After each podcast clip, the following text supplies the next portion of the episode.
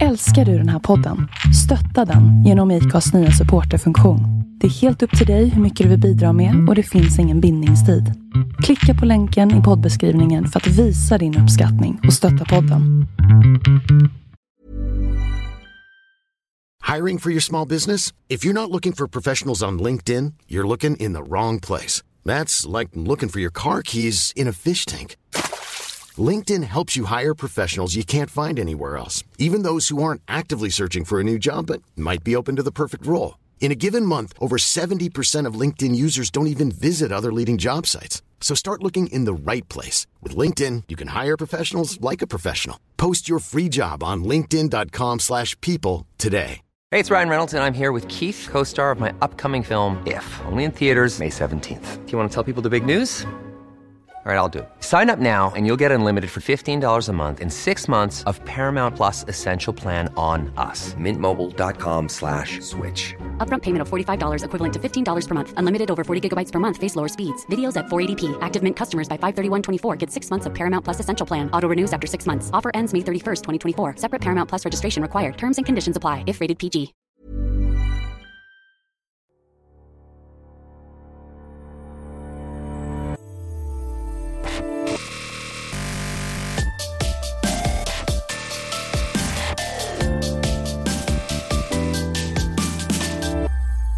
Hej och välkommen till Bloggbusiness, en podcast från Better bloggers. Jag heter Linda Hörnfeldt och jag är grundare av Better bloggers och eh, bloggare till vardags på lalinda.se. Idag är det faktiskt ett litet, eh, litet, litet eh, jubileum här. Det är tionde avsnittet av eh, Bloggbusiness. Och jag tycker att det här är så himla kul. Det är så himla roligt att podda och det är så himla roligt att träffa alla de här spännande bloggarna och höra deras historier.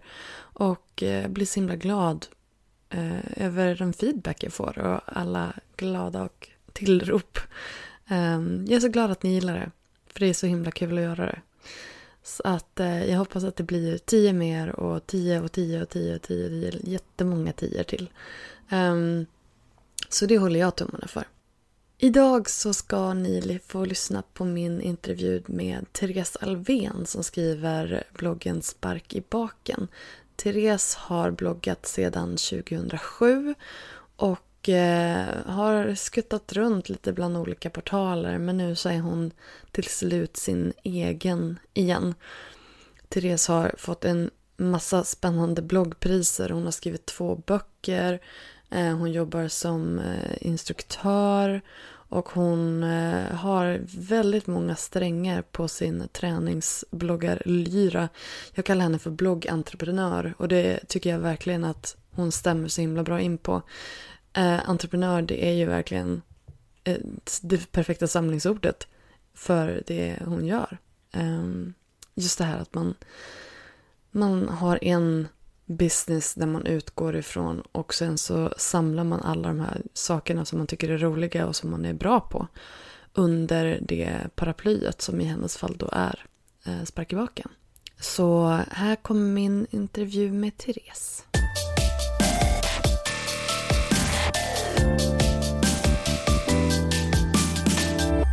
Hej och välkommen Therese Alvén från Spark i baken till Bloggbusiness. Ja men tack.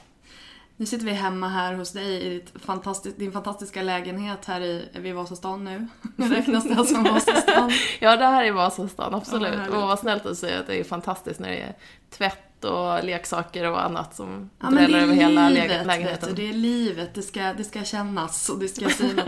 men jag tycker om det här, det här är så himla mycket trevligare än när det blir så kallt och sterilt och du vet, var mm. sak har sin plats. Det ska vara så här mysigt. Ja, vad snäll kännas, det är. kännas inlevt mm. liksom. Ja, men det är så det är. Det är verkligheten. Det är så hemma hos mig också. Så ja, men vad bra. mig själv. um, Nu tror jag säkert att det är väldigt många här som lyssnar som vet vem du är, men för de som inte vet det så får du gärna berätta lite om dig själv och din blogg. Ja, jag heter då Therese, jag är eh, 32 år och eh, skriver bloggen Spark i baken, som jag har sedan 2007. Startade som en eh, skoluppgift faktiskt. Då hade jag aldrig ens läst en blogg, men jag gick en utbildning till att bli webbredaktör, så då fick vi uppgift att skapa varsin blogg för att komma igång och skriva varje dag på nätet.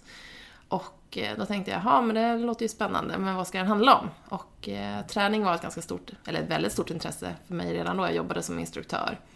Och eh, ja men det var väldigt så här, självklart att det var just träning den skulle handla om. Så det var så den startade. Gud vad spännande. Så det var liksom, det var så här, det var en uppgift, det var inte ett kall. Nej, det var inte ett kall, det, det kom senare. Det tycker jag är intressant, att man liksom börjar någonting eh, och att det ändå känns så rätt liksom. Mm. För i vanliga fall så kanske det är just en, en passion eller att det är känt att man måste få Mm. ut någonting. Det var ju passion på så sätt att jag älskade att skriva och jag har alltid vetat ända sedan jag var liten att jag vill skriva i någon form. Och eh, träning och hälsa har ju då också alltid varit ett stort intresse. Så att på något sätt vart det liksom en ultimat kombination för mig ändå. Divine intervention. Ja, det var bara att jag inte visste om det innan. Divine intervention där av, av eh, vad heter det, eh, utbildningen. Mm. Men du, och det här var ju då 2007, för jag menar nu, det var ju precis då som bloggar började Mm. liksom, det, det var då det började hända, om man säger så. Ehm, hur, hur utvecklades det sen? Kan du ta mig igenom liksom Ja. din bloggresa? Ja, den har ju gått lite hit och dit med min blogg. Eh, Jag, jag började på som en bloggspot-blogg. Okej. Men den hette Spark i baken redan då. Eh, Just för att jag tänkte att mina läsare, vilka jag då inte visste vilka det skulle vara, men eh, mina läsare förhoppningsvis då skulle få en spark i baken eh, när de läste och jag skulle ju få en spark i baken att komma igång och skriva. Så det var, det, det var därifrån namnet kom. Eh, och sen efter ungefär ett år, tror jag det var, så träffade jag Ebba von Sydow på ett eh, litet event. Och eh, då var ju hon ansvarig för Veckorevyns eh, sajt och deras bloggar. De hade, tror jag, fem eller sex bloggare då. Då tänkte jag, men de behöver ju en träningsblogg, för de hade ingen. Eh, så att jag tog mod till mig trots att jag var supernervös för det var inte så likt mig på den tiden att göra den här typen av grejer. Men jag tänkte att jag går fram till henne och presenterar mig och, och säger att jag har den här bloggen och sådär. Eh, så jag gjorde det och sen hörde jag ingenting på typ två veckor. Jag tänkte, ah, ja ja Eh, det var väl inte så intressant. Och ehm, sen fick jag ett eh, jättelångt mail eh, där de gillade min blogg mycket. För de hade ju kollat upp den. Eftersom man skriver för så, så unga läsare då så är det ju så viktigt hur man skriver om just träning och hälsa, att det blir på en sund nivå. Eh, Så att eh, då flyttade jag dit och det var då min blogg började växa. För att Veckorevyn var ju väldigt stora inom bloggandet då. Mm. Alltså det är lite roligt att du liksom blev så upptäckt eller in, invävd i bloggvärlden av bloggdrottningen herself. men Ebba var ju verkligen den som liksom satte bloggandet på Sverigekartan. Ja, men verkligen. Mm. Åtminstone som, som en... som ett... Hjälp. som ett gäng, eller liksom som, som en... Jag vill säga institution, men det är väldigt fel. Ja.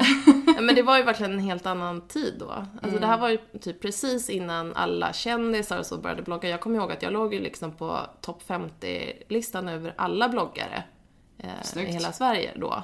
Eh, ja, precis. jag är superstolt över det. Sen så ramlade man ju ner ganska snabbt eh, så fort alla eh, kändisar och allt fler folk började blogga. Men, eh, så det var rätt häftigt ändå på den tiden. Men då låg jag där under ett år och sen eh, slutade Ebba där och jag kände att jag inte riktigt fick utrymme för allting som jag ville göra. Jag ville satsa ännu mer på bloggandet. Och eh, flyttade över till Spotlife.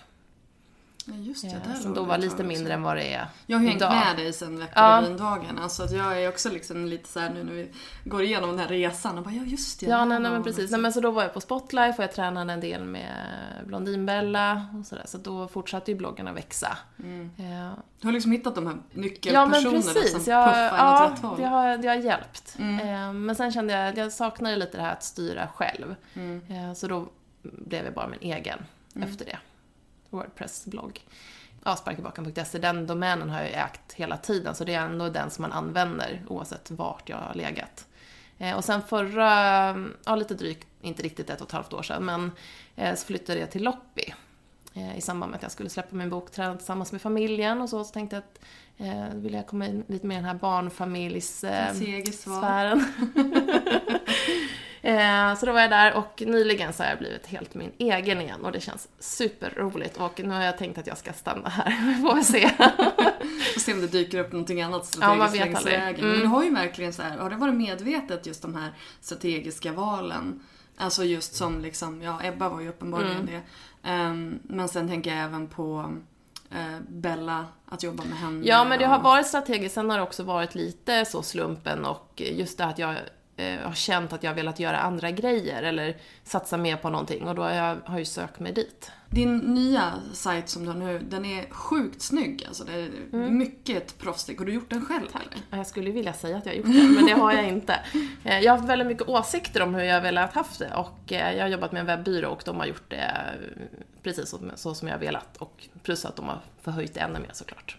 Vilka har du jobbat med? Vektorgrafik heter de. Vektorgrafik. Och det var även de är som allt gjorde- annat än vektorgrafik. Eh, Ja, men de gjorde även min förra blogg som jag hade själv. Okej, okej. Eh, Så att jag gick tillbaka till dem för att jag trivdes med dem. Men det är spännande. Det tänkte jag faktiskt på på vägen hit. Att det måste ju finnas en, en, en business där ute för just webbyråer som jobbar med, med bloggare. Mm. Nu jobbar de här väldigt mycket med företag och sånt. Ja, men jag Också tänker liksom att det borde finnas ett segment där. För att det är inte skitmycket pengar kanske alla gånger. Men man Nej. kan ju kanske få exponering på ett annat sätt. Man kan Ja. alltså du vet, det fin- borde finnas fler som borde jobba så. Mm. Ja, för sen en är det ju också så olika vad folk behöver hjälp med. Om det är eh, designen eller det tekniska eller vad det nu kan vara. Eller om det kanske är liksom alltihopa. Man kommer Mm. in och så bara... Man vill skapa den här proffsiga bloggen. Jag Mm. menar, jag är ju webbdesigner i botten. I- Ingen utvecklare vill jag tillägga. Jag gjorde det här när det var liksom när man hade Dreamweaver Mm. och så hade man eh, Photoshop och så sen så liksom satte man och Mm. Det knackade var sånt lite. vi satt och höll på på min webbredaktörsutbildning också. exakt. Dreamweaver och Photoshop. Man kunde lite så här, man kan nog lite taggar och man kan Mm. liksom, jag kan ju gå in och fixa och dona och du vet sådär men jag kan ju inte bygga någonting från scratch. Nej men så är det för mig, men jag kan också, jag har även hjälpt andra bloggare och sånt att skapa deras. Men jag kände ändå när jag skulle flytta över den här gången att, nej men jag vill verkligen ha Alltså jag vill ha en, en blogg som man känner att det här är, nu kommer jag in på spark i baken, den ser inte ut som alla andra bloggar, den har ett unikt utseende men ändå då att jag vill att den ska vara ja, men responsiv och att det ska vara enkelt att dela grejer och ja, men att det följer med i utvecklingen helt enkelt. Ja för alltså jag kan ju känna, jag sitter ju och håller på med mina egna layouts och du vet jag köper ju tema, färdigt tema och så sen så fixar jag till det Ja men precis, och det är så jag har gjort när jag jobbat Ja. med andra också. Men alltså, man kan ju bli galen när, Mm. när det är så här, "Ja, fast jag vill att den här ska ligga här och jag kan inte, jag Mm. kan inte flytta på grejer som jag vill liksom. I och med att du har flyttat runt så himla mycket, har det blivit liksom strul med Google? Alltså, för jag tänker liksom just det här att, eller har, eller har det varit inbakat i Mm. Ehm, domänen hela tiden? Inte som, alltså, jag vet faktiskt inte hur det var för några år sedan. Då tror inte jag att det påverkade lika mycket. Eh, Eller där kände jag nog varenda gång jag flyttade att jag faktiskt fick mer trafik varenda gång. Så då gick det ju liksom i rätt riktning. Eh, nu på sista tiden när jag flyttat så har jag ju märkt att det har blivit dippar när jag har flyttat och en, ett tid efter. Och sen får man ju börja liksom jobba upp det igen. Det här är ju liksom den, det här är ju anledningen till att det kan vara så, Jag tycker att det är väldigt viktigt att om man flyttar runt så är det väldigt viktigt att man använder sin domän och att man, man använder samma liksom format på de här permalänkarna. För att om man sen flyttar runt då, då kommer ju inte de att bli brutna. Liksom. Nej. Jag har ju jättemycket så här bilder från back in the day som är trasiga. Som jag inte vet ens var jag har någonstans. Nej. Så det var så här, man sitter och läser och bara Åh, titta vad snygg den här klänningen är. Och man bara, mm, ja, nej, det finns ingen bild. Men det känns också som att, alltså det lär man sig också lite längs vägen, vad som är viktigt att tänka på. Ja, och hur man skriver avtal och sådana saker med när man flyttar runt. Ja, har du några bra tips Eh, där? nej men just också då om jag går tillbaka för några år sedan när jag flyttade över, då var det så här, men när jag flyttade min blogg då fick jag inte ta med mig mina gamla inlägg och sånt. Eh, exempelvis under Veckorevyn-tiden. Och nu har de ju stängt, för det var flera portaler sen. Eh, så där har de ju stängt bort de inläggen, så de kvar. finns inte ens kvar. Tråkigt. och det, är- ja, men det är lite så tråkigt, även om det kanske inte är någon som går in och läser inlägg från den tiden. Men, ehm, ja, men det är ändå kul att ha kvar. Det är livsarkivet. Ja. Så det, det är jag väl väldigt noga med Ja. nu. Att man ska få behålla sina inlägg. Mm. Men sen även, jag har ju också hört på många portaler så får man inte ha egna samarbeten. Mm. Alltså, Och det, det, ja, det beror säkert på vem man är. Jag eh, har fått frågan från, också från andra som eh, en stor tidning exempelvis, där jag, de ville att jag skulle flytta över och då fick jag inte ha några egna samarbeten. Eller, eh, eller ja, ens göra mindre grejer liksom i, i bloggen men som kanske då inte är, är betalt i pengar men ja, mer pressgrejer. Så att då kände jag så här, nej men det är inte, det vill inte jag. nej. Då har Eh, man utan inte jag alls- vill, nej men jag vill själv kunna känna att det är jag som tar ansvar för det jag gör och eh, Och som har Och makten få välja för att själv kunna vad jag vill göra och ja, inte. Och då har du ju också makten att, att ta bloggen dit du vill ta den. Mm. Jag menar, säljer du mer, då får du in mer pengar. Ja men precis. Alltså du precis. Mm. kan ju påverka på ett helt annat sätt när du har den, den makten över vad du får ha i bloggen. Mm. Eh, alltså när man inte får ens göra typ pressgrejer och sånt. Det blir ju lite... Mm. Ja, men det blir konstigt då att du då måste matcha med vad de själva har sålt in. Eh, och det kan, jag kan ju förstå det ur deras synpunkt ändå, att det måste ju såklart... Alltså, att man jag- inte lägger upp konkurrentens märke om det är någonting som de har samarbetat, nu ska vi ha den här kampanjen eller vad det nu kan vara. Så det, det har jag ju förståelse för, men jag väljer då att inte vara i den. Nej, Den för det är en del som då till exempel har så här, ja men att samarbeten måste godkännas och det är väl Mm. främst för att det inte ska krocka då med bannerannonsering, här, med konkurrenter och sådär. Mm. Eh, Men, men det är ett jättebra tips just där, kolla vad får du göra, vad vill du göra? Mm. Och även liksom tänka på hela domängrejen och historiken Ja, men och precis. sådär. När man ska flytta Men det är ju en djungel, även om man är hyfsat insatt i det, så det är svårt att veta allt hur det fungerar med Det det. förändras liksom. ju hela Ja, tiden ju just det. Mm. nu. Ehm, vilket också är jättespännande. Man befinner sig ju i ett paradigmskifte Mm. liksom, Ja, i hela mediebranschen.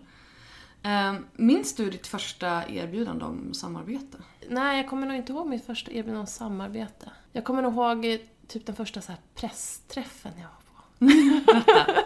eh, eller jag, jag vet inte om det var den första, men det var nog en av de första.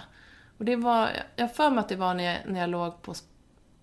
Nej, det kan inte vara när jag låg på Spotlife. Det kanske var när jag var, var på veck, Veckorevyn förresten. Men det, det var om någon sån här eh, dietbok av något slag. Jag kommer, inte- jag kommer inte ens ihåg vad den hette. Jag är inte så intresserad av dieter och den typen. Men eh, jag vet att jag var på någon så här typ frukostträff och... Eh, men jag, för jag tror, vet att det var där jag träffade då Isabella, Blondinbella, första gången. Eh, det här var ju innan liksom hon blev jättestor och, och det var ju så vi började ses. Ehm, men ja, men jag kommer inte ihåg liksom den första... Men hur såg det ut i början då? Alltså generellt? Hur, när, du, när du jobbade med, med företag? Nej men från början, då var det med, alltså från början eh, efter att skoluppgiftsgrejen var slut, då såg jag min blogg väldigt mycket som en tidning. Eh, för jag har alltid velat jobba på en tidning och mm, när jag var yngre liksom och praktiserade på tidningen Fitness eh, Magazine eller Fitness Aerobics hette det ju då, nu heter den ju Women's Health. Jag har ju tagit några varv, men när jag gick på gymnasiet. Eh, Så att jag är liksom, sen dess har jag ju vetat att eh, det här tidningsbranschen var ju väldigt spännande. Så att med bloggen så tänkte jag, men jag vill ju ha det här personliga men ändå att jag liksom tipsar om grejer. Det ska vara moder och inom träning eller frukostar eller ja men liksom väldigt så här högt och lågt. Och jag har alltid gillat att tipsa om grejer, även om det liksom bara handlar om en ny kolsyrad eh, dryck eller vad det nu kan vara. Men jag väljer ju själv vad jag gör. Men ja, jag kommer inte riktigt ihåg hur det var på den tiden. Alltså då var det ju kanske att man fick något, något pressmeddelande och då slängde man ut det mesta av det kanske. Alltså just i, verkligen i början när man inte riktigt visste hur det fungerade. Och hur, hur har det utvecklats? Ja, nu är det helt annorlunda, skulle jag vilja säga. Alltså dels är det ju för att nu är det ju, alltså det här informationsflödet är ju så otroligt mycket större. Alltså varenda dag får man ju massa, ja men typ pressreleaser och um, sånt bara om man tänker då i mailkorgen och sen kommer det ju bud och sånt hem och man får frågor.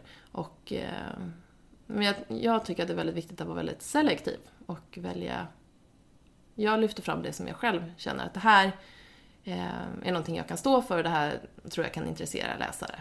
Men hur, hur ser dina samarbeten ut idag? Mm. Rent, rent praktiskt. Eh, dels har jag några som jag samarbetar med lite mer frekvent, exempelvis Inte Sport eh, är jag ambassadör för.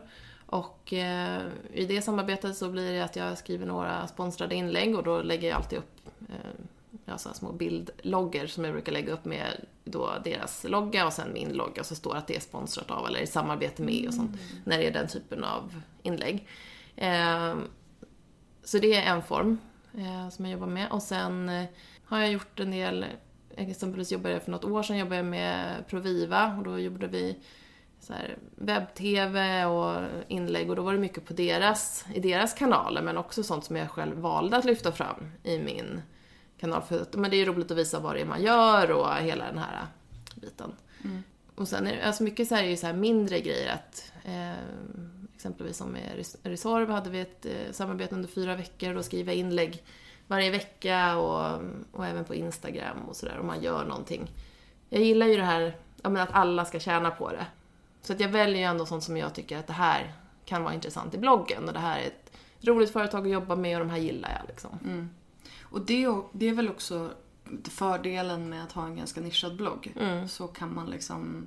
Det är, det är lättare att välja ut någonting som man kan känna passar. Har man en livsstilsblogg då är det ju verkligen... Alltså det är Mm. free for all. Man, det kan ju bli lite spretigt Ja, liksom. ja men verkligen. Men de här samarbetena, säljer du in dem själv då? Eller har du någon säljare, något säljbolag? Eh, jag jobbar med Tailsweep har jag precis börjat jobba med. Nu, nu är det så himla nytt eftersom jag precis har flyttat över eh, bloggen också. Så att jag, jag har inte riktigt så kommit igång med allting där. Men jag hade dem innan jag flyttade till Loppi. Eh, och trivdes bra med dem. Och då säljer ju de annonser och sen så eventuellt kan det bli sponsrade inlägg. Men nu, det är fortfarande jag som har skött det hittills. Men ofta så är det att det är företag som kontaktar mig. Jag har inte lagt ner så mycket tid på att eh, höra av mig. Det är ju någonting som jag borde... Ja, nu, nu menar jag inte att det är jag sitter och bara dräller. Det. Men jag har inte riktigt haft den tiden att eh, fokusera på det. Hur skulle du säga att din, eh, ditt li- livspussel... Jag hatar det ordet Ja, men verkligen. det- Men hur, Jag tycker det är hur, ett ganska härligt ord faktiskt. Tycker du Ja, det? jag ser inte så mycket stress i det. Jag ser mer möjligheter. Ja, ja, hur, hur, hur delar du upp din, din, din tid? För du gör ju lite olika Ja, saker. jag gör ju lite olika saker. Ehm, dels så frilansar jag ju som skribent och webbredaktör. Eh, och nu, just nu så samarbetar jag med företag så då jobbar jag för dem två dagar i veckan. Jag jobbar oftast hemifrån och då handlar det om att uppdatera deras sajter och eh, om skriva en del grejer och, och sådana saker.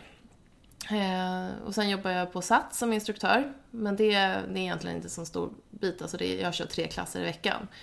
Eh, men det är ändå en del i det hela. Och, eh, Och väldigt tidigt. och, väldigt tidigt. Ja, jag gillar att köra morgonklasser så 6.30 kör vi. Det är därför jag inte är där så ofta. Men du har kommit ett par gånger. Jag har kommit ett par gånger, men det var när jag hade liksom en arbetstid, eller en Okej. arbetsplats som jag, där jag var tvungen att liksom Ja, men börja klockan nio på morgonen. Ja, nej, men det är ändå så här, de så här fasta punkterna jag har varje vecka. Och sen så är det en del att ja, men jag fixar en del events, eh, mycket då i samarbete med företag. Och eh, håller föreläsningar och jag har ju skrivit två böcker. Så de... Den lilla biten. Den lite lilla- författare också. har jag, har jag också. Nej, men, och det är någonting som jag verkligen älskar. Och, det är ju, så det, och det, just nu, den här våren har det tagit ganska mycket tid för då har jag stått på olika mässor och har och rest runt på lite föreläsningar och sånt. Och det är superroligt men det tar mycket tid också. Eh, där är jag faktiskt lite så här, lite imponer, alltså imponerad och lite avundsjuk. För vem vill inte skriva en bok liksom? Hur, ja, hur, nej, det hur har ju varit det? en dröm sedan jag var liten. Hur gick det till? Ja, men det var helt fantastiskt. Ehm, ja, det, bör, alltså det började egentligen... Ja, egentligen började det med att jag hade en ätstörning för... Det var inte lika... det var inte lika fantastiskt. Nej. Eh, nej, men, där, men jag, jag var sjuk i en ätstörning precis efter gymnasiet. Och ehm, eh, sen när jag började blogga om träning så, så var, inte, då var det någonting som inte jag pratade om. Man går ju lite så här olika faser efter först när man liksom börjar bli frisk eller fortfarande är sjuk så är ätstörningen är ju väldigt mycket en del av ens person, personlighet och man förstår inte riktigt hur man ska kunna bli sig själv igen. Och sen var det liksom flera år när jag verkligen tog avstånd från det och, och kände att eh, det här är inte någonting som jag förknippas med. Så att kompisar som jag fick under den tiden, de visste inte ens om att jag hade varit sjuk. För att jag, det var inte ens någonting jag liksom berättade ens när man började. Men sen då när jag, eh, efter, ja men det var när jag bloggade på Veckorevyn. Så hade jag någon så här frågestund. Och eh, då fick jag en fråga om jag någon gång hade haft en ätstörning. Och då var det så här, gud, ska jag svara, vad ska jag svara på det här? Och, eh, men då tänkte jag, nej men det är kanske någon som kan bli hjälpt om jag säger att jag har varit sjuk och blivit frisk. Och det är kanske någon som kan bli hjälpt om jag säger att jag har varit sjuk och blivit frisk och um, visar att det går att bli frisk. Så då skrev jag ett jättelångt inlägg om det och det vart ju liksom det mest kommenterade och uh, ja, jätteupplyft liksom. Och 99% av alla kommentarerna var ju superpeppande och um, eh, sådär. Så då märkte jag att ja, men det här det finns andra som känner igen sig och det är ett ganska stort problem fast det är inte så många som pratar om det. Och eh, ja, men sen gick det ju något år till och sen så kände jag nej jag vill skriva ner hela min historia. Så då, eh, det var när jag var föräldraledig med Charles, mitt första barn som nu är fyra. Så tänkte jag, nej men nu, nu när jag ska börja jobba igen eh, för att frilansa. Jag tänkte att nej men nu ska jag ta, jag ska sitta halva dagen och skriva. Och så planerade jag in det under en höst. Och eh, det gjorde jag. Så att eh, sen vart det en bok. Disciplinerad. Ja men jag kände att det var liksom ändra sättet än att eh, jag går och har någon idé och att det inte, för det tar ju väldigt mycket tid att, eh, och det är inte så att man är superpeppad varje dag och sitter och skriva, men det handlar ju, man måste sätta sig och skriva. Och de dagarna jag hade mindre inspiration, men då kanske jag satt och gick igenom tidigare kapitel jag hade skrivit och ändrade sådär. Så då märkte jag att ja, men det här är, det finns andra som känner igen sig och det är ett ganska stort problem fast det är inte så många som pratar om det. Och eh, ja, men sen gick det något år till och sen skriva. Och så planerade jag in det under en höst. Och eh, det gjorde jag. Så att eh, sen vart det en bok. Disciplinerad. Ja men jag kände att det var liksom ändra sättet. Disciplinerad. Ja men jag kände att det var liksom ändra sättet än att eh, jag går och har någon idé och att det inte, för det tar ju väldigt mycket tid att, eh, och det är inte så att man är superpeppad varje dag och sitter och skriva, men det handlar ju, man måste sätta på ett ganska nystartat förlag som heter Hoj. Eh, som låg nere i Helsingborg och de skulle vara som något mellanting mellan de här stora etablerade eh, och eh, typ egenutgivning. Så det är liksom som en mix av det, att de har de här kapaciteterna som alla stora har med, ja, med kanaler ute i bokhandlar och ja, allt sånt som man inte riktigt vet hur det fungerar. Eller jag vet inte det i alla fall. Eh. Men att man då också, man går faktiskt in och investerar själv i sin bok. Men däremot så får du, som författare, få liksom den största delen av kakan, vilket du kanske inte får då eh, annars. Och jag då som har mitt, jag har min blogg och eh, har kanaler och synas på olika sätt, då kände jag att det var en ganska bra lösning för mig. Och jag trivs väldigt bra där, så där gav jag även ut min andra bok sen. Och det är inte så att de bara accepterar vem som helst heller när man skickar in, för de vill ju också känna att de kommer tjäna på det. Eh, så att de har ju också ja, med lektörer som läser igenom allting och eh, väldigt bra liksom att man jobbar tillsammans med texten och allt sånt där. Men då sköter inte de någon marknadsföring? Är det det som Eh, de gör det också. Men eh, jag Men har gjort det mesta i den biten.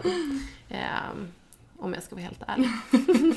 Men sen din andra bok, den hade en, en helt Mm. Det är en annan... helt annan eh, berättelse. Ja, den heter ju Träna tillsammans med familjen. Och eh, tanken med den var att den skulle vara en inspirerande träningsbok för familjer med barn 0 till 12 år. Eh, just för att jag märkte ju själv när jag blev mamma att det var väldigt svårt att vara helt närvarande med barnen. Just när man, har, man sitter liksom typ läser mejlen samtidigt som man sitter och leker med barnen eller så. Eh, och det är klart att de märker det. Och eh, mina barn, de, ja, men de är två och fyra, så de är fyra, så de är ju ganska unga, men de kan ju sitta hur länge som helst framför olika skärmar. Eh, om man inte liksom stoppar dem. Och det är klart att det är så med alla spel och allting är ju verkligen, de kan ju sitta hur länge som helst framför olika skärmar. Eh,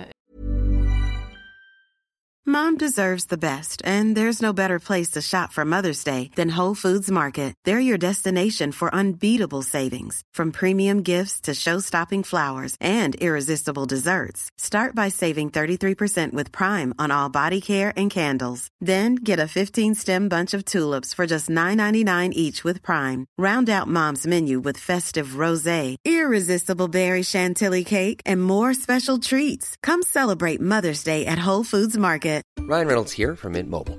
With the price of just about everything going up during inflation, we thought we'd bring our prices down. So to help us, we brought in a reverse auctioneer, which is apparently a thing. Mint Mobile unlimited premium wireless. Ready to get 30, 30, bit to get 30, bit to get 20, 20, 20, bit to get 20, 20, bit to get 15, 15, 15, 15 just 15 bucks a month. So, Give it a try at mintmobile.com slash switch. $45 upfront for three months plus taxes and fees. Promo for new customers for limited time. Unlimited more than 40 gigabytes per month. Slows. Full terms at mintmobile.com.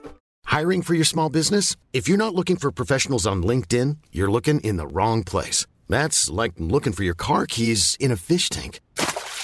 LinkedIn helps you hire professionals you can't find anywhere else, even those who aren't actively searching for a new job but might be open to the perfect role. In a given month, over 70% of LinkedIn users don't even visit other leading job sites. So start looking in the right place. With LinkedIn, you can hire professionals like a professional. Post your free job on linkedin.com slash people today. om man inte liksom stoppar dem. Och det är klart att det är så med alla spel och allting är ju verkligen byggda för att de ska ju bara suga in barnens värld. Det är jättebra att de lär sig allting om teknik, men det blir också ännu viktigare att de rör på sig, för att de tappar ju lite det här naturliga rörelseglädjen som barn har och som vi hade när vi att de rör på sig, för att de tappar ju lite det här naturliga rörelseglädjen som barn har och som vi hade när vi var små. Alltså de ju, kan ju vara så stillasittande idag om man inte, kan ju vara så stillasittande idag om man inte är lite aktiv. Plus att många föräldrar har svårt för det där vardagspusslet och lägga livspusslet och eh, vill, vill kanske träna lite mer och då kan man göra det tillsammans. Eh, Så jag tyckte att jag hittade en bra nisch där. Ja, jag tycker det. Jag är ju inte alls målgruppen. Men, men good on you. Bra idé. Har det gått bra då? Ja, men det har det. Eh, Den här sista boken har ju varit ute nu i, ja, typ ett halvår. Den har varit ute ett och ett halvt och de säljer på bra. Det tickar på varje månad. Så det är jättekul. Blir man rik på författare? Eh, nej. Alltså, Helt krasst. Ja, nej, alltså det, man, jag får ju några tusenlappar så, eh, här och där. Men eh, däremot så, det är mycket det här runt omkring också. Alltså att man eh, ställer in föreläsningar och får, får den typen av, av pengar. Och sen, men sen tror jag, ska du verkligen bli rik på det så måste du nog ha fler än två böcker och du måste eh, få den utgiven på andra språk också. Alltså så att den verkligen sprider sig. Jag förstår. Det, det räcker inte med våra 8 miljoner, 9 miljoner som Nej, vi har. eller jo, kanske om alla nio miljoner valde att köpa mina böcker. det får de Det göra om de vill. jättesvårt med tanke på att familj, barn, Ja. konstellationer, så här fyra böcker per familj. Det är sant. Det kan Då ju- kan de använda dem som vikter också. Snyggt. Snyggt. Nej men det är Skulle ha liksom väldigt... förpackat eh, den på det Ja men eller så hur. det blev som en det, vikt. ja, som en hantel typ. Kanske blir svår att bläddra i då. Ja. Det får vara nästa grej. Ja, precis. Men hur mycket av din... Du du lever ju uppenbarligen på alla Mm. de här prylarna liksom. Men hur, hur stor del av din inkomst kommer liksom direkt från din blogg, från sponsrade inlägg, från annonser Mm. och sådär? Alltså svårt att säga. Det är lite, alltså vissa månader får man ju ganska mycket där, den kanalen. Men oftast kanske, alltså mellan 25 och 50 procent. Mm. Oftast 25 skulle jag säga. Och då räknar jag liksom inte in föreläsningar och allt sånt som ändå Nej. på något sätt kommer från... Ja, allting kommer ju Ja. därifrån i slutändan. Det är Mm. ju där du har byggt ditt varumärke. Ehm, men jag tänker liksom just på den regionala Nej men jag skulle nog säga mellan 25 och 50 och att det kan liksom variera lite. Ja. Det måste jag säga också just med böckerna, att det är väldigt roligt att ha gjort någonting så här fysiskt. Alltså när man är så van att alltid skriva på nätet. Eller hur? Så det var en himla häftig känsla när man fick första boken i handen att den här, den har jag, Ja. har jag skapat. Men det är typ, jag har skrivit så här krönikor i någon tidning eller Ja. varit med i någon intervju och sådär. Och när man får den tidningen då blir det som att oj gud, den här... Normalt för dem, det som de läser på, på nätet i olika former, det är ju deras verklighet. Ja, Jag undrar om de skulle se det på samma sätt, liksom att det här är en bok. Oh. vi får vänta Ja, vi får 20, vänta 20 år och år fråga dina barn. det, är ju lite, det var lite samma sak som, som det här med telefonen. Att det var ju någon som när, när de skulle, vad var det? Jo, det var någon som hade någon sån här utvecklings... De skulle ta barnet till BVC och se om de följde så här utvecklingskurvan. Och, så skulle de, och så hade de en telefon och skulle se ifall barnet kunde använda telefonen som, som man ska. Liksom. Och barnet bara What is this? I do not know this. det är samma sak med liksom luren som är i, i iPhone. Ja. Barn bara, vad är det här för någonting? Ett C. Exakt, liksom? exakt, ingen aning. Alltså, jag visste inte att de Ja, skulle men det är plocka upp den där du, du luren. kanske inte ser från, på vår TV här när du sitter, men där är ju våra barn väldigt mycket framme och vill klicka och dra. På TVn? Och, ja. ja. Men det är klart att jag förstår ju det också. Alltså, Mm. Så gör vi på alla andra skärmar. Ja, alltså, ja. Mm. Det, det är lite läskigt och lite coolt. Och nu har vi kommit långt Ja. våran. Men jag vill fråga dig om din trafik. Hur, Ja. hur, hur mycket besökare har du? Besökare? Besökare. Ehm, jag brukar ligga mellan så här 15 och 20 i veckan. Eh, nu har det, Unika eller? ja, eh, och nu har det tappat lite nu med de här sista tjoff tjoff flyttarna här. Eh, men det, jag hoppas vi komma upp där snart igen. Det är nog att jag tappat lite på Google, tror jag. Ja, den är lurig. Den är jättelurig. Mm. Har du Yoast? Du måste ha Yoast. Eh, det har jag nog. Mm, bra. Du är nöjd. Jag. Eller så får vi dubbelkolla det sen. Det är världens bästa SEO-plugin till Ja. Wordpress. Vad, vad tycker du är den största, vad är, det, som är svårast med att blogga som jobb? De dagarna jag inte känner att jag har någon inspiration.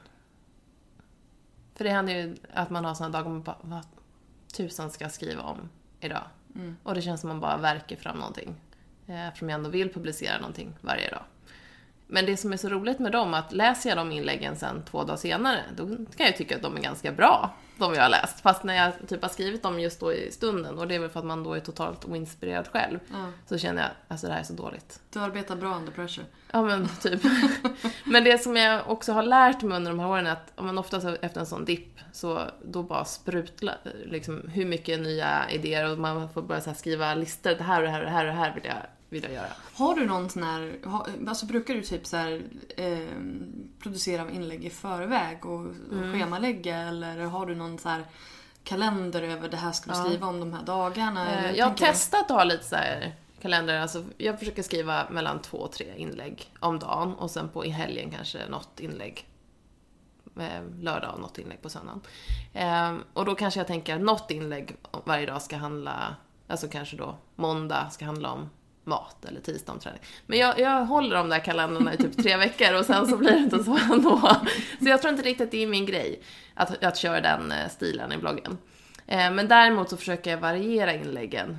Så när jag själv kollar liksom på vad som, har, vad som finns i flödet så vill jag att det ska vara lite variation. Eh, och det går ju lite också upp och ner beroende på vad man gör. Nu har jag precis sprungit ganska mycket sista tiden, och men då blir det väldigt mycket liknande inlägg. Eh, så det är klart att det går lite också, eftersom det reflekterar vad man själv gör i vardagen. Jag, Ibland får jag, jag kommer ju så ihåg, jag kommer ihåg när jag var i Thailand förra vintern, då var det väldigt mycket tennis och golf. Och då fick Mitt jag så här kommentarer, ja men då fick jag så här kommentarer, vi tycker det är så tråkigt att läsa om tennis och golf. Ja men det är, och det är jättetråkigt, och då försökte jag ändå så här variera det med annat, men det var ju det jag tränade då, för att jag var lite skadad och kunde inte springa och det. Då får man gå in på en annan Ja, blogg som skriver om löpning. För att det är det som är hela grejen med bloggare. Det är ju att det reflekterar ju ditt liv. Det är ju din subjektiva bild av ditt Ja. liv och vad du tycker och vad du gör. Gillar man inte det, men då får man väl kanske läsa mer än en blogg. Ja men precis. och ändå, även då fast man faktiskt försöker variera upp den. Ja, men, jag, men- men... jag tycker ändå att det ska vara liksom ett skönt flöde. Eh, liksom när man läser i bloggen. Att det inte, eftersom det inte det är ingen liksom matblogg så det ska inte bara vara recept eller bara vara träningsmode eller bara vara personligt utan Nej, jag förstår Ja, det. Men, det, men samtidigt så måste det ju också vara så här att du, du måste ju vara... Händer det att du gör... Alltså kompromissar du bort saker du vill skriva om eller, sak, eller skriver om saker som du inte vill skriva om för att folk Eh. efterfrågar det? Jag kompromissar inte bort någonting jag vill skriva om. Det skriver jag om. Eh, Men däremot kan, om jag, när, jag, när jag får de här idésprutorna i mig, då kanske jag inte skriver allting på en och samma dag. Då kanske jag spar dem lite också till de här dagarna när jag, det. när jag inte känner, ja men när jag inte känner så mycket motivation. Eller du frågade också om förinställda inlägg och det gör jag mycket när jag är ute och reser eller gör någonting. Eller vet att jag ska stå på en mässa en hel dag eller att jag har någonting så vill jag ju ändå veta att det händer i bloggen så att inte jag får den här stressen att nu måste jag ut med någonting och jag är upptagen med andra saker. Eh, För jag gillar inte så mycket att blogga från mobilen. Jag vill sitta vid datorn och göra det. Jag med. Man vill kunna liksom formatera. Mm. Ja men eller hur, jag vill fixa. Sen så blir det ju en del då från bloggen ändå, men då oftast lite så kortare grejer. Mm, eh, från mobilen, ja men precis. men, ehm, nej men eh, så föreställning tycker jag är jättebra. Hur, hur tänker du kring eh, marknadsföringslagen, skatter och allt sånt där som är lite snårigt? Känner Eh, att jag du- känner nog att det är snårigt. jag, jag, förs- alltså, jag försöker göra så gott jag kan. Eh, och det tror jag att det är det bästa man kan göra. Sen får man alltid försöka lära sig mer.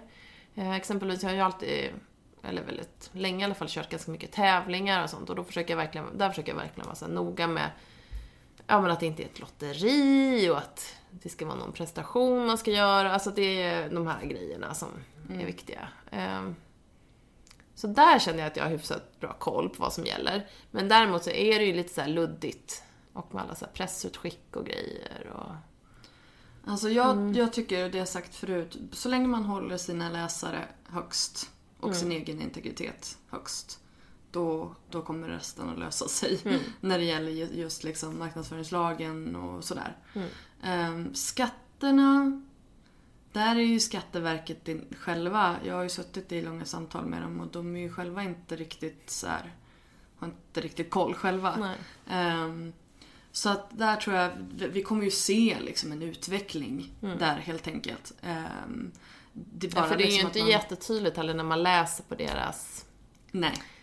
sajt. Alltså man, Nej. får, ju- man får ju så läsa det flera gånger och bara... Det är ju inte riktigt anpassat för en lekman. Även fast det ska vara det. Liksom. Eh, Men jag tror att just det här att bara man skattar för liksom så här rena pengainkomster. Då har man åtminstone det på det klara. Och det är ju Och sen- på sam, och samtidigt är det ju den lätta biten. Ja. Ja. Men sen är det ju alltså enligt vad, jag, enligt vad de sa sist till mig, det var att om du får produkter hemskickade och väljer att skriva om dem, då ska du skatta för dem. För då, när du skriver om dem så ingår det ett avtal. Då ska du skatta för marknadsvärdet på produkten som du har mottagit. Ja, jag kan ju tycka att det är så konstigt. Också, men det, det, och det tror jag är för att jag ser på min blogg fortfarande som, så mycket som en tidning. Alltså jag tänker så mycket tidning. Eh, Och då tänker jag så här, plocksidor, tidningar och... Eh, Men, då Och det är är, klart att men där är ju så här, ofta, ja. de, de lånar ju ofta kläder. Mm. Smink är lite lurigare. Men, jag, men de, de gör väl sig av med mycket va? De behåller inte... Mm. Ja, och det är också någonting som jag har, har hört tidigare att eh, som med tester och sånt. Nej men du får testa och sånt alltså, men då ska du ju typ slänga det sen. Exakt. Eh, Ja, och Det, är, det är ju typ lite så som det ser ut. Och jag, för jag försökte också få till det, ja, men vad är en gåva och vad är ett, liksom, vad ska du skatta för? Och det är ju då intentionen från företaget. Det är det som räknas. Det är inte hur du uppfattar det, utan det är Nej. liksom när de ger det. Men då blir det lite så här, ja men om jag som privatperson ger en gåva och så förväntar jag mig en gåva tillbaka. Va? Ska den personen då skatta för det eller ska personen ge mig någonting tillbaka? Alltså du vet, det, det Ja men det är därför som jag tycker det är så bra ja, men med hela det här Better bloggers och sådär. Alltså att det förhoppningsvis kanske kan bli lite mer tydligt. Ja, jag hoppas ju kunna reda Mm. Ut ett jag tror att de flesta vill göra rätt ifrån sig. jag men sen så är det med. svårt att göra det. Men sen är det också den här lurig, lurifax-biten att man inte kan ehm, bedöma någonting innan det är gjort. Nej. Alltså det var ju samma sak, jag, frågade ju Konsumentverket om mark- marknadsföringslagen. Och då var de så här, men vi kan inte bedöma, jag, gav dem ju då ett scenario. Eh, och så bara, men vi kan inte bedöma det här scenariot för det har inte hänt. Nähä. Ja. Nej men i och med att, ja men så är det väl med alla lagar. Att Ja. du kan inte bedöma om någonting är fel. Alltså just den situationen, det är väl därför vi har domstolar. Eh, Du kan inte bedöma vad som är liksom rätt och fel i lagens namn innan det är gjort. Alltså det är ju skitlurigt men det är ju ändå så här, ja man, man gör så gott man kan. Man får göra så gott man kan för att inte du vet, mörda någon för man vet att det är typ fel enligt lagen. Och ändå så händer det att folk gör det. Eller mer hur? eller mindre Helt tokigt. Ja. Eh, men ja, kanske inte den, extre- den extrema varianten. Men, men man ska ändå veta det att alltså när jag ger råd på, på Better bloggers, jag, ger, ju- jag, jag är ingen jurist. Så att jag menar, jag ger ju råd utifrån liksom best practice. Men jag kan inte säga att gör så här så undviker du liksom, då, då är du all safe. Därför att det, det kan inte jag jag kan inte lova det, för jag är som sagt ingen varken jurist eller domare eller någonting sånt. Men, men jag gör så gott jag kan och eh, hoppas att ingen anmäler mig om jag har fel. ja men och det är väl så, alltså man, man gör ju sitt bästa. Ja, Ja. jag tror att det är väl det viktigaste liksom. Ja. Ehm, för det, jag vet inte, det är lite karma också tror jag. Det kommer lösa sig Ja. i slutändan. Goda intentioner. Ja men precis. Men alltså vad, vad, skulle du, vad skulle du vilja ge för tips till våra blogglyssnare? Om man vill bli en sån bloggentreprenör som du ändå är. ja men det är du ju, du har Ja. gjort väldigt mycket saker som Nej men det jag skulle säga bloggen. det är väl att eh, Alltså att tro på sig själv. Att man eh, ja, men tror att man kan någonting. Och att man fortsätter tro det. Och att man bloggar någonting som man, som man brinner för. För att det är inte alltid superroligt. Ja, men det blir, ju- det blir ju faktiskt som ett jobb. Eh, om man vill lägga det på den nivån. Eh, och det gäller ju att hitta inspirationen då i vad, är, vad går jag igång på då? När jag har de här dåliga dagarna när man inte känner att kreativiteten flödar. Eh, så fortsätta liksom kämpa ändå. Men mer konkreta råd. Det där kanske var lite flummiga råd ändå. Håll en lista. När, Ja, när en lista. idésprutan är igång då är det bara skriv ner. Ja men precis. Ja, men det, jag tycker, jag tycker det, det kan vara bra att sk- skriva ner ibland och faktiskt också planera lite framöver. Som livet går lite upp och ner och man har inte alltid jättetid. Eh, så att ändå så här att försöka ha ett flöde, att man levererar någonting varje dag om det är det, den typen av blogg man har. Det kanske kan vara svårt att ha en, ett inlägg i veckan liksom, på de flesta bloggar. Ehm, jag gillar ju blogginlägg som är ganska korta ändå, när det inte är allt för mycket text. Sen får det gärna vara en hel del bilder och sådär. Ehm, Sen vet jag att det finns de som gillar precis tvärtom, långa textflöden och sånt. Själv är jag såhär, men jag scrollar bara förbi det för jag orkar inte läsa det i Jag har bloggform. inte tid. Nej men precis, det händer ju så mycket. Livspusslet.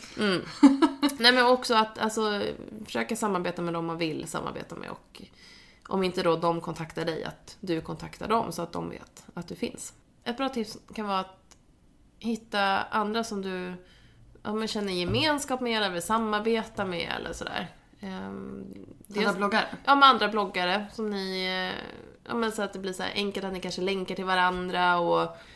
Eh, man har ett utbyte, kanske gör saker, events eller grejer. Så andra bloggare är ju sköna att, att hänga med. För Ja. att oftast så ser man ju också att man har kanske samma intresse, man kanske är lite samma stil av liksom, typ av person. Ehm, och sen också andra personer som då faktiskt förstår hur det är att vara bloggare. För att jag hade nyligen en artikelserie på, på Better bloggers som en tjej som heter Camilla Boman som har en egen eh, sajt som heter Bomans byrå, där hon är konsult då, eh, som hon skrev som hette Det är ju bara att skriva lite. Eh, om just det här att varför bloggyrket inte ses som, som ett liksom riktigt yrke. För att vadå, du skriver ju bara lite grann på internet typ. Eh, och det är inte riktigt så enkelt och det vet ju vi. Men, och det, då, därför är det kanske skönt ibland att hänga med andra, andra bloggare som vet hur det är. Liksom. Jo, men jag har ju fått nära vänner, alltså via bloggandet på senaste år. Jag, jag har tänkt på det en del, men det är ju lite som en så kontaktförmedling för vänner på något sätt. Ja, men, för, ja, men som vuxen så kanske man inte träffar så mycket nya vänner. Eh, som man gjorde när man, liksom gick i skolan och sådär. Eh, utan men det blir ju på jobbet och arbetskamrat och sånt. Det är inte riktigt samma sak heller. Och just som du säger, man känner gemenskap och man förstår varandra. Men du som har bloggat så himla länge, vad, skulle du säga är liksom de tre största lärdomarna som du har tagit med dig under de här åtta åren? Ja, gud, det är så länge. Japp. Ehm, Japp. Japp. Nej men bloggandet har ju verkligen, alltså det har, det har ju gett mig en, eh, en ingång i de världar jag vill jobba. Om jag säger så. Ehm, När jag var ung, jag hade ju inga kontakter liksom inom tidningsbranschen eller media eller någonting sånt som och det var ju dit jag ville, men jag hade ju ingen aning om hur jag skulle komma dit. Men tack vare bloggen och liksom kontakter man fått därigenom och eh, så har jag ju liksom, får jag ju de uppdrag som jag vill. Sen är det mycket fortfarande som jag inte har gjort som jag vill ska leda till såklart. Livet Men eh, det, nej, men det, det är ju ändå en bit på väg. Ehm, Så en stor lärdom är verkligen att bloggen kan fungera som ett bra visitkort eller CV. öppna liksom portar och sådär. Ja, CV. En annan lärdom är att ehm, jag kan mer än vad jag tror. Ibland. Älskar när man överraskar sig Ja men eller hur! och sen, nej men sen har jag också lärt mig väldigt mycket om, ja, om mig själv. Om jag då tänker exempelvis då på min eh, före detta ätstörning. Jag, så, tack vare att jag har bloggat om hälsa så länge och vill förmedla en sund syn på det här med hur man ser på sig själv och kombinationen med träning och mat och allt det här som hör ihop. Ehm, så har jag ju också själv fått mycket bättre värderingar inom de områdena. För att när jag började blogga, visst jag var friskförklarad men jag hade fortfarande en del liksom, jobbiga tankar då. Men de har ju liksom försvunnit längs vägen och det tror jag ändå bloggen har hjälpt till väldigt mycket med. Ja, men det blir lite så här, lite själv... Eh, Eh, vad heter det? Eh, Självterapi. Ja, ja men precis. Ja men eller hur. Jag har ju Ja. också skrivit om mina depressioner och, och panikångest och sådär. Mm. Och det är också liksom just det här att man, man, man får ju samt, man får ju också väldigt mycket stöd från sina Mm, läsare. Ja men verkligen. Eh, Men också just det här att genom att skriva ner det så, så kliver man ifrån det lite grann. Mm. Man, får det, man ser det utifrån och man får liksom kanske en annan synvinkel. Speciellt när man går tillbaka Mm. och läser någonting som man skrev för ett år sedan eller, eller sådär. Ehm, det, har ju varit, det har ju varit min främsta grej med min blogg. Att liksom arkivera livet och att te- terapi. så. Sen en sista lärdom. Eh, skulle jag nog säga också att jag har ändrat lite mitt synsätt. Alltså de tidigare åren har jag varit väldigt så här tävlingsinriktad. Eller jag hade länge en så här äh, ambition om att jag ville bli Sveriges största träningsblogg och sådär. Eh, nu känner jag att jag inte riktigt bryr mig så mycket om vad andra gör. Alltså jag är bättre på att fokusera på vad gör jag i min blogg och hur kan jag göra det här på bästa sätt. Sen om det är fem eller hundra eller tusen som läser, alltså det är inte lika viktigt för mig längre som det var för ett par år sedan. Och det kan jag tycka är rätt så skönt. Det där tycker jag är superintressant för det där har jag funderat på väldigt mycket de senaste, den senaste veckan har jag haft en liten kris. Eh, och då har jag tänkt mycket på det här med, liksom, med konkurrens och att man kanske ofta så här, För jag har aldrig sett mig själv som en sån här person som tittar på andra och jämför mig. Och jag tror inte att jag kanske har gjort det så mycket som person. Men nu när jag blivit företagare, då är det liksom lite så här, ja men gud, de gör det och de gör det, de skriver på det sättet, de gör det. Och gud, jag måste också göra alla de där grejerna. Man kan Men bli väldigt här stressad Man av blir det. Mm. jättestressad av det. Men just det här att fokusera på min grej Mm. och det jag gör. Eh, det, det, det gör ju en mycket mer, liksom, alltså man blir fokuserad och man Mm. blir mycket gladare och mindre stressad. Ja men visst är det så. Men jag tror man levererar mycket bättre- grejer också då.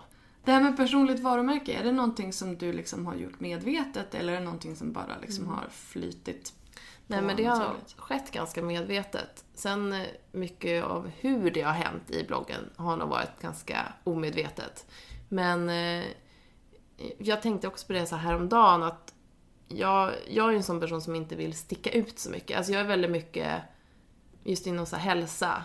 Jag vill att det ska vara sunt, det ska vara balanserat. Eh, och ja, men det är inte så säljande. Eh, många vill ju ha det här, ja men de fem bästa knepen att gå ner liksom 10 kilo eller eh, bästa dieten och ja men det, är- det är ju, ja, det är ju är vill liksom allt eller balans. inget och då jag kommer jag här i mitten som är så här jättetråkigt. men det kan jag tycka är så skönt. Nu helt plötsligt så är ju det här hälsa är ju det som är Nu är stort. trendig Nu är det trendigt att vara det här eh, lite lagom. Ja. Eh, och det kan jag tycka är så himla skönt. Äntligen har du hittat Ja, och det är också, om man tänker då samarbetspartners och sånt, är det också oftast en sån grej jag får höra. Eh, att varför för, företag väljer att samarbeta med mig är oftast för att jag inte är diet, eh, da, da, da, eller deff eller Mm, Du är inte för mycket lite. Nej, utan jag är liksom en av folket. Du är lite så här mysig i mitten. Ja men, ja, men precis. Eh, och, det, och det låter ju jättetråkigt, jag vet. Men jag har alltid varit så. Jag tycker och det låter eh, skönt. jag, jag står fast vid det. Ja. Jag gillar att vara det. Jag gillar att du har kommit in i din, liksom, det, det, det, har blivit din period Ja. i trendcykeln. Ja men precis, liksom. att man behöver liksom inte vara superprovocerande eller sticka ut med att nu är det den eller den kosten eller vad det nu kan vara. Men alltså, jag tycker ju att det är lite roligt att du är liksom såhär, nej men du ska inte sticka ut. Du är så här, jag, jag tittade på din prispall liksom, på, på din sajt. Ja men man måste ju vara stolt över det man har gjort. Ja, alltså du har ju, du har ju fått ett gäng priser. Du var Sveriges mäktigaste träningsblogg där, Ja. enligt Twingly. Ja det var ett par år sedan. Ja. Eh, men jag, tyckte den, jag tyckte den var så rolig för det var verkligen så här kaxig utmärkelse. Men jag tycker det är härligt att man kan bli mäktig och liksom att folk ser en och att man får vara där uppe på toppen fast man inte liksom behöver armbåga sig dit. Utan man bara gör ett bra jobb. Man gör bara en bra Men jag grej. tror att det lönar sig i längden. Ja, men jag tror det med. ja, och nu är du ju faktiskt nominerad till eh, Lifes stora bloggpris, eller vad heter det? Ja, Life Blog Awards tror jag det var. Ja. Eller någonting sånt. Mm, liknande. Mm. Och där är du nominerad till bästa Eh, tränings... bästa träningsblogg. bästa träningsblogg. Sen fick jag ju faktiskt då, om jag får skryta, Det får du. eh, så fick jag utmärkelsen Årets hälsoprofil av tidningen eh, Hälsa. Så fick jag deras guldäpple. Oj, Det var väldigt kul. det är verkligen hälsa, hälsa. Ja, men eller hur? Det, var- det var ju jättetrevligt. Mm, ja, men det är så.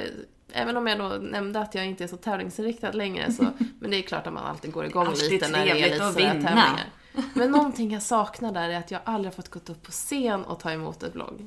Eller ta emot ett pris. Jag lyckas alltid så här när det är någonting att de inte har någon gala eller utmärkelse. Så var det på Hälsa, de hade precis bytt eh, förlag på sin tidning så då hade de ingen utmärkelse i år. Och det är lite grann som när Oscarsgalan inte var någon Ja gala. men precis. Man bara, varför? Exakt, why do this? Det verkar så kul att få gå upp och ta emot någonting sådär. Ja, precis. Och hålla ett litet tal. Ja men eller hur. Ja, men du får förbereda då kommer. till Life. Ska de ha någon Jag liten... tror inte det, att de ska ha något. Men kom igen nu Life, ni måste ha en gala. Hela grejen med att dela ut pris är att man ska ha en gala. Ja men eller hur. Faktiskt. Man kan en... Aftonklänningar och Ja, sånt. men precis. Men man kan ha en på dagen och liksom dela lite smoothies. Det behöver inte liksom vara så här. Men bara man har en scen och ett, en pokal. så då, då blir det bra.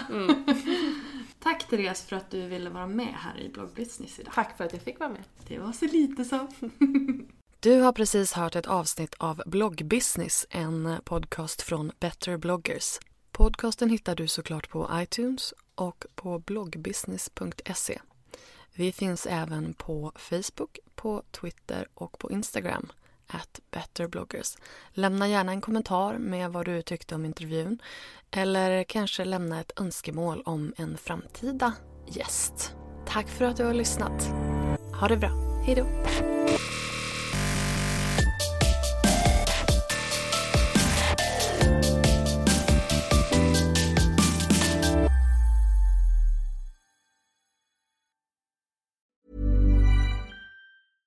Even when we're on a budget, we still deserve nice things. Quince is a place to scoop up stunning high-end goods for 50 to 80% less than similar brands. They have buttery soft cashmere sweaters starting at $50, luxurious Italian leather bags, and so much more. Plus, Quince only works with factories that use safe, ethical, and responsible manufacturing.